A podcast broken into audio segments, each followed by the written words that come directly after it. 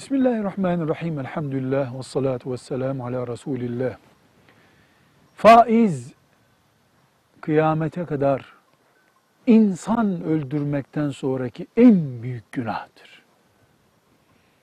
Yer yer zina mı en büyüktür, faiz mi en büyüktür diye sorulmuştur.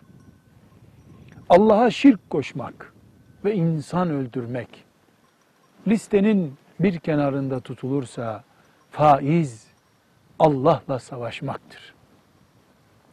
Adı kredi, adı ev desteği, öğrenci desteği, evlilik desteği ne olursa olsun.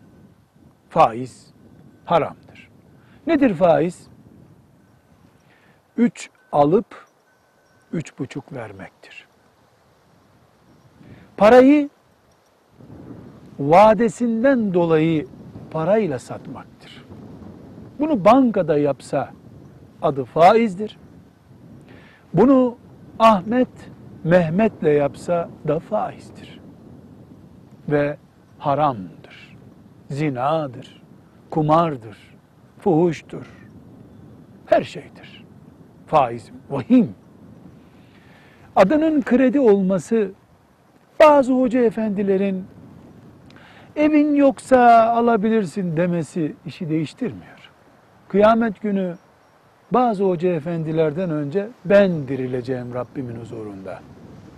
O bazı hoca efendiler sana hangi şartlarda bu izni vermişti onu araştırana kadar yanar insan mahşerde maazallah. Bu nedenle sokakta yatmayan kesinlikle krediyle ev almasın. Mahşer var, dirilmek var, ölüm var. Kabir var, hesap var, mizan var. Evet, zaruret halinde alkol de tüketilebilir, domuz eti de yenebilir. Zorunluluk insan öldürmeye de gerekçe oluşturabilir. Ama hangi düzeyde? Kira ödemek bu dünyada zorunluluk mudur?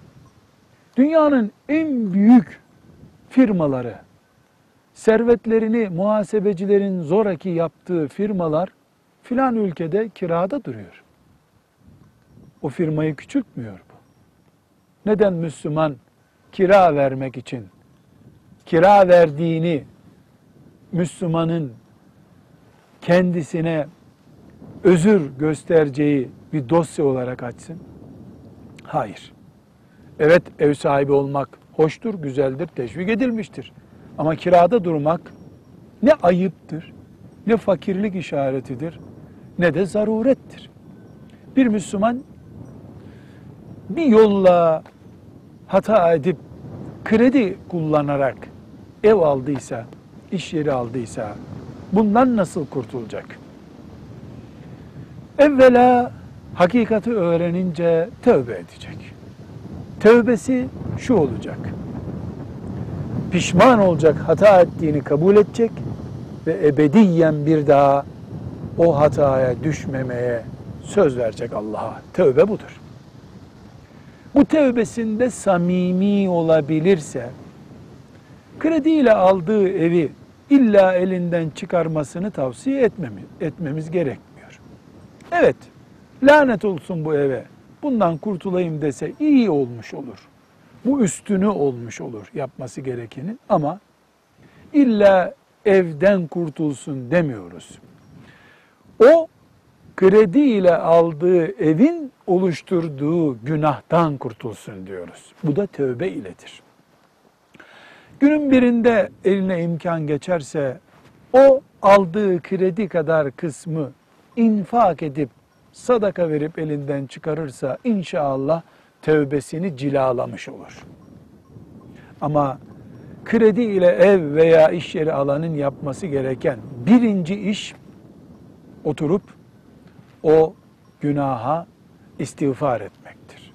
Sonra da imkan buldukça o para kadar borcu üzerinden düşürmesidir. Ama illa evi terk etsin demiyoruz ama terk ederse iyi yapar diyoruz. Velhamdülillahi Rabbil Alemin.